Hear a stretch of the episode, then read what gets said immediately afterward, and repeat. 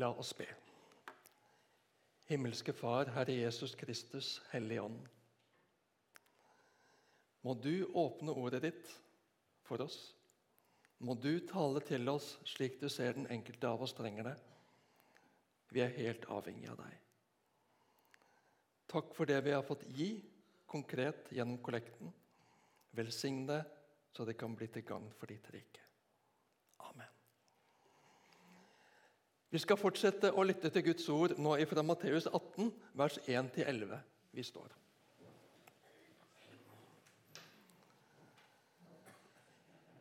Nettopp da kom disiplene og spurte Jesus, 'Hvem er den største i himmelriket?'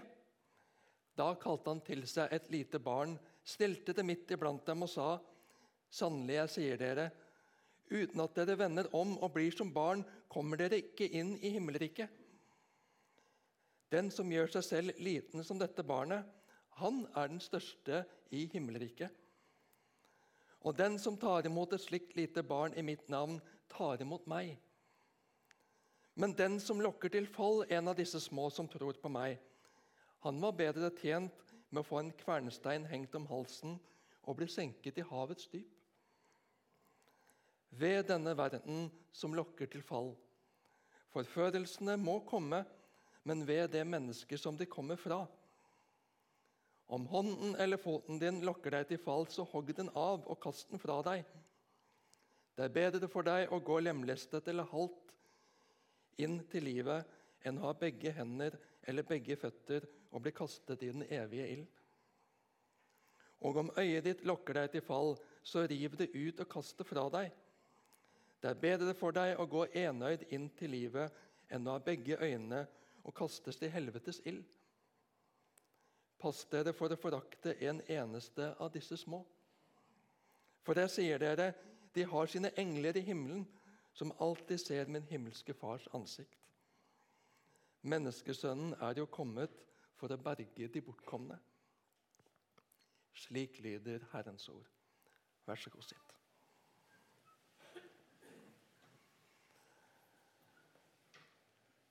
Hvem er størst i himmelriket? Vi skjønner at det er et spørsmål som vi ikke skal stille. Men vi har våre favoritter. Vi har våre forbilder. Vi har våre stjerner. Er det noen fotballinteresserte iblant oss?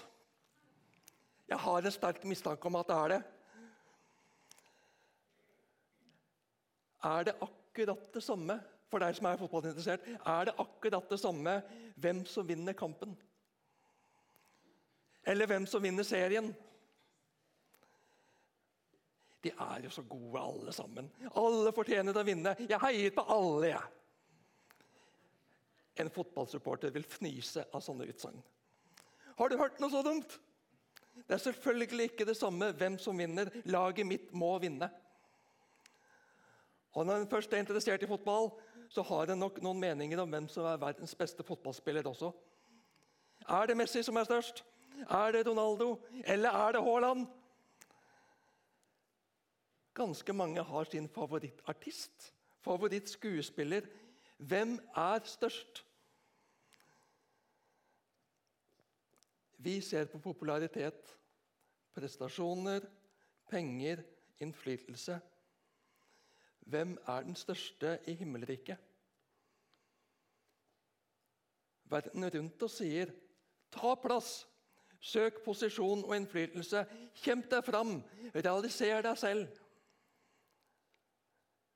Vi ser det i kristen sammenheng også. Vi har våre favorittalere, favorittforfattere, favorittprester og pastorer som vi setter høyt. Og ambisiøse mennesker, gründere og ledertyper kan besnæres av å nå, nå høyt og langt, også i menighetssammenheng. Hvordan møter Jesus det spørsmålet?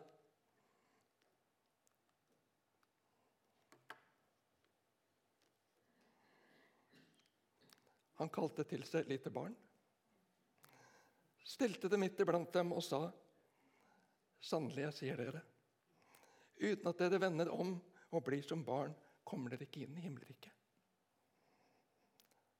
Den som gjør seg selv liten som dette barnet, han er den største i himmelriket. Takk. Hvem er størst i Misjonshuset? Hvem er viktigst i Misjonshuset? Hvem ser vi og tilrettelegger vi mest for?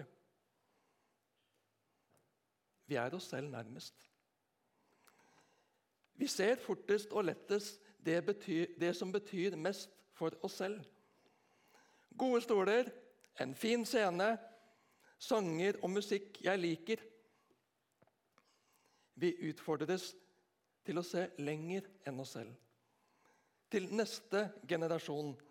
Hva skal til for at de trives?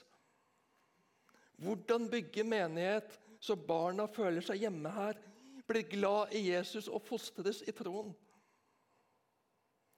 Hvordan legge til rette for at nye mennesker våger å få lyst til å komme inn? Få lytte til Guds ord og bli frelst? Hvem er viktigst?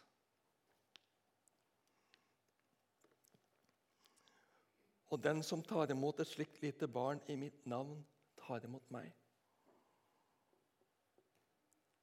Her får vi en nøkkel for hvordan slippe Jesus til i våre liv og i vår menighet. Vi kalles til omvendelse. Vende om fra alt som er vendt innover mot meg selv. Vende om fra alt som handler om å realisere meg selv, få ting på min måte. At jeg skal nå fram, vinne fram, bli stor. Vende om fra egoismen, fra meg og mitt i sentrum. Vende om fra alt jeg skal få til og lykkes med å få på plass. Det lille barnet er ikke orientert om hva en må få til å lykkes med men lever i det selvfølgelige, i at jeg må ta imot alt. Jeg må få alt.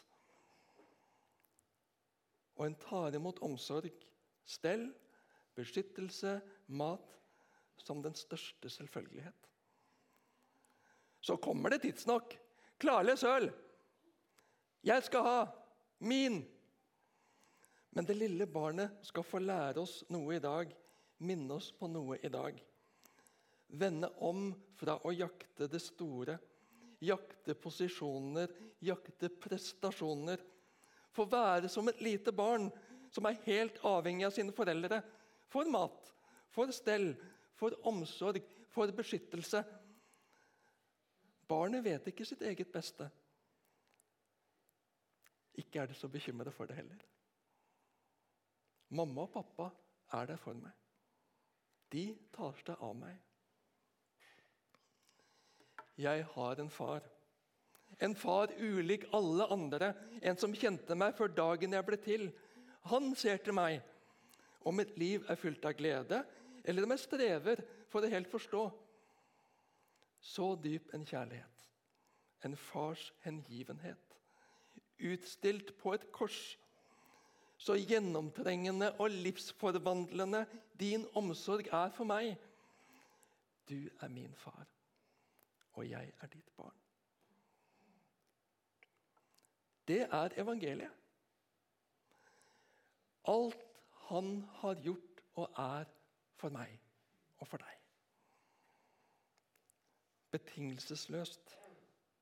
Som jeg er totalt avhengig av å bli gitt uten noen som helst egenandel, egenprestasjon, egen fortjeneste.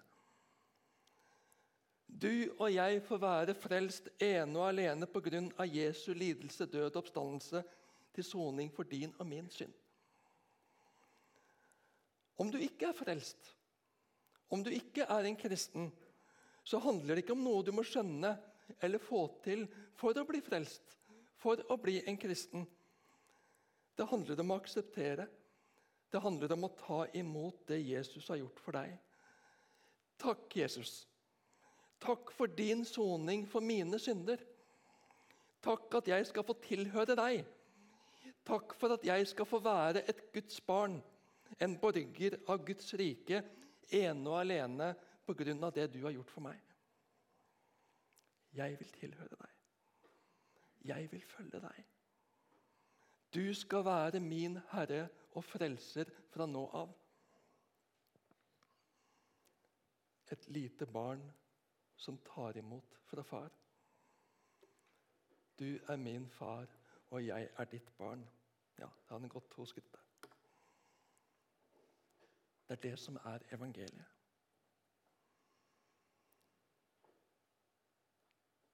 Så stopper ikke vårt bibelavsnitt der i dag. Det endrer ikke på evangeliet. Det endrer ikke på frelsesveien. Men vi blir bedt om å ha et fokus til. Ikke for egen frelse, men for andres frelse. Og for å ikke besnæres og villedes bort fra livet i frelsen, bort fra livet i Jesus. For selv om jeg er frelst, selv om jeg er en kristen, så er det krefter i meg som er opptatt av andre ting. Som ikke er bare gode. Jeg er ikke kvitt den gamle naturen. Jeg er ikke kvitt jaget i meg selv etter å bli stor. Opprørstrangen og selvstendighetstrangen som Adam og Eva i Edens hage ga rom, den preger meg den dag i dag. Også etter at jeg har akseptert og tatt imot frelsen i Jesus. Mitt jag, mitt driv etter å lykkes, etter å bli likt, etter innflytelse, kan føre meg på avveie og føre andre på avveie. Jesus vet hva som bor i mennesket. Jesus er realist. Og Jesus er for glad i oss til å tie med det ubehagelige. Han sier det rett ut. Den som lokker til fall en av disse små som tror på meg, han var bedre tjent med å få en kvernstein hengt om halsen og bli senket i havets dyp. Jesus sier ikke at slike skal få en kvernstein rundt halsen og senkes i havets dyp, men en slik behandling ville være bedre enn det som venter dem. Her er det ikke noe Gud er kjærlighet og forståelsesfull. Han vil nok skjønne at vi ikke mente det slik. Å forføre og lede vill et barn, et Guds barn, er en forferdelig styggedom som bryter med alt i Guds vesen. Og det skal dømmes til fortapelsen.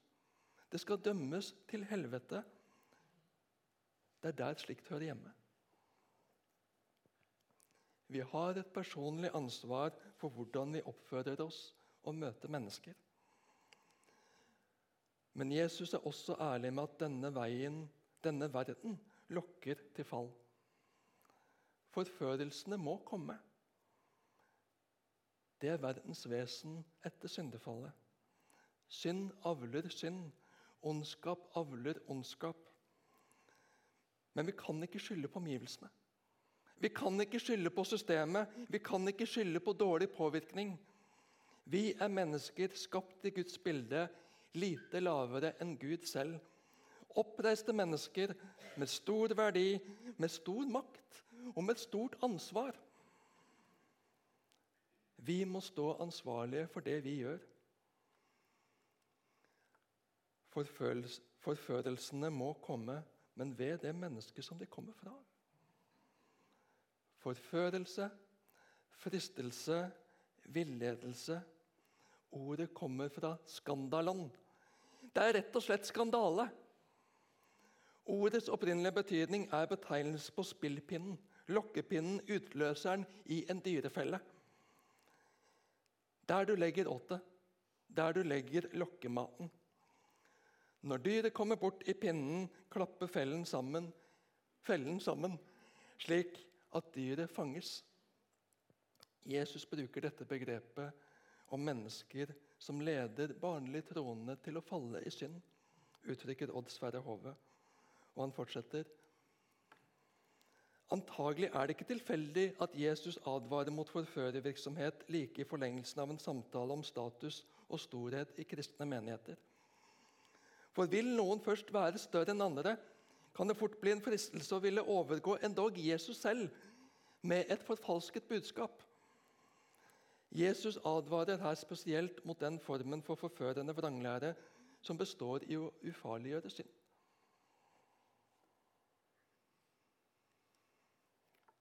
Om hånden eller foten din lokker deg til fall, så hogg den av og kast den fra deg. Det er bedre for deg å gå lemlestet eller halvt inn i livet enn å ha begge hender eller begge føtter og bli kastet i den evige ild. Og om øyet ditt lokker deg til fall, så riv det ut og kast det fra deg. Det er bedre for deg å gå enøyd inn til livet enn å ha begge øynene og kastes i helvetes ild.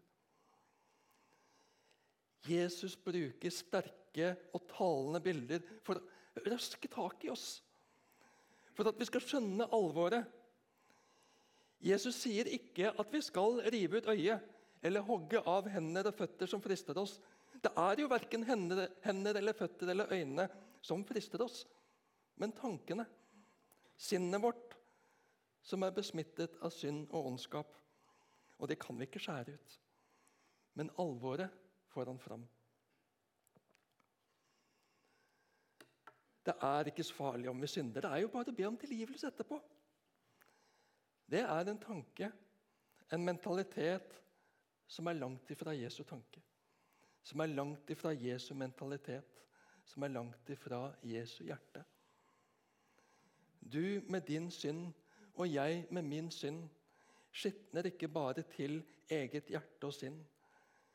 Vi bryter radikalt med Guds hjerte, hva Han har skapt deg og meg til. Og det smerter Gud. Og din synd får konsekvenser for medmennesker. Ja, men det er ingen som ser at jeg ser på nettporno. Det har du ikke kontroll på på den ene sida. Og det preger deg. Og preger deg i møte med andre mennesker. Og du er med og holder andre mennesker nede i menneskehandel ved å holde pornoindustrien i live. Ja, men det er ingen andre det går utover at vi er samboere. Jo, du signaliserer og forsvarer i praksis en livsstil som bryter med Guds ord. Kan de, så kan vi. Det går ikke utover noen med litt uskyldig nasking i butikken. Det er jo så mye svinn uansett. Jo, du saboterer en annens virke og virksomhet, og du nærer en holdning i samfunnet som neglisjerer en grense mellom ditt og mitt. Det går ikke utover noen om jeg kjører litt for fort. Politiet opererer jo uansett med en sikkerhetsmargin når de måler farten. Jo, det kan være marginen mellom å klare å stoppe i tide og ikke klare å stoppe i tide. Det kan være marginen mellom liv og død. Dessuten, mitt eksempel fører fort med neste til et sløvt forhold til fartsgrenser og øker risikoen for ulykker. Det ligger i vårt vesen som syndere å bagatellisere synden. Synden gjør oss nærsynte og selvsentrerte og fører ved det så lett til at vi fører andre vil. For vi ser ikke andre slik vi bør, og er skapt til å se og møte dem. Er jeg min brors vokter, spurte Kain så uskyldig han kunne etter å ha drept sin bror da Gud spurte om hvor Abel var. Ja, vi er vår brors og søsters vokter i den forstand at vi skal vokte deres ve og vel. Ikke som moralpoliti for dem, men moralpoliti overfor oss selv, slik at ikke våre, vår frynsete moral får skade min bror og min søster. Pass dere for å forakte en eneste av disse små. For jeg sier dere, de har sine engler i himmelen som alltid ser min himmelske fars ansikt. Som liten så hadde jeg dette bildet hengende over senga. Og jeg lærte en barnesang. Jeg har en engel som følger meg. Jeg har en engel som verner meg hver dag. Om jeg sitter eller står, om jeg springer eller går, jeg har en engel som følger meg. Jeg må innrømme at jeg strever litt med begrepet englevakt. Ikke minst etter å ha opplevd nært på kroppen at mennesker ikke ble berget fra ulykke. Dette får ikke vi til å gå opp. Vi sitter for lavt til å ha oversikten. Den er det Gud, vår Far, som har. Og han er bare god. Så gir Skriften oss noen utsagn om at Gud har sine engler på vakt for oss. Ikke minst disse små, slik som her i teksten vår. Noen som bringer deres og vårt ve og vel innenfor Gud. Gud har hjerte for deg. Gud har hjerte for de små. Og siste vers, siste setning i dagens bibelavsnitt. Menneskesønnen er jo kommet for å berge de bortkomne. Jesus skarpe, Jesu rystende, Jesu utfordrende ord om syndens og forførelsens alvor er drevet av kjærlighet og ønske om å berge de bortkomne. Han som vil at alle skal bli frelst. For så høyt har Gud elsket verden, at han ga sin sønn den enbårne, for at hver den som tror på han ikke skal gå fortapt, men ha evig liv. Det er det han vil for deg og meg, for neste generasjon, for de små, for de som er utenfor, som ikke har hørt Guds ord, som ikke har forstått Guds ord. La deg ikke føre vill av den syndige lyst i deg, eller verden og Satan som i ulike skikkelser frister, lokker og lurer.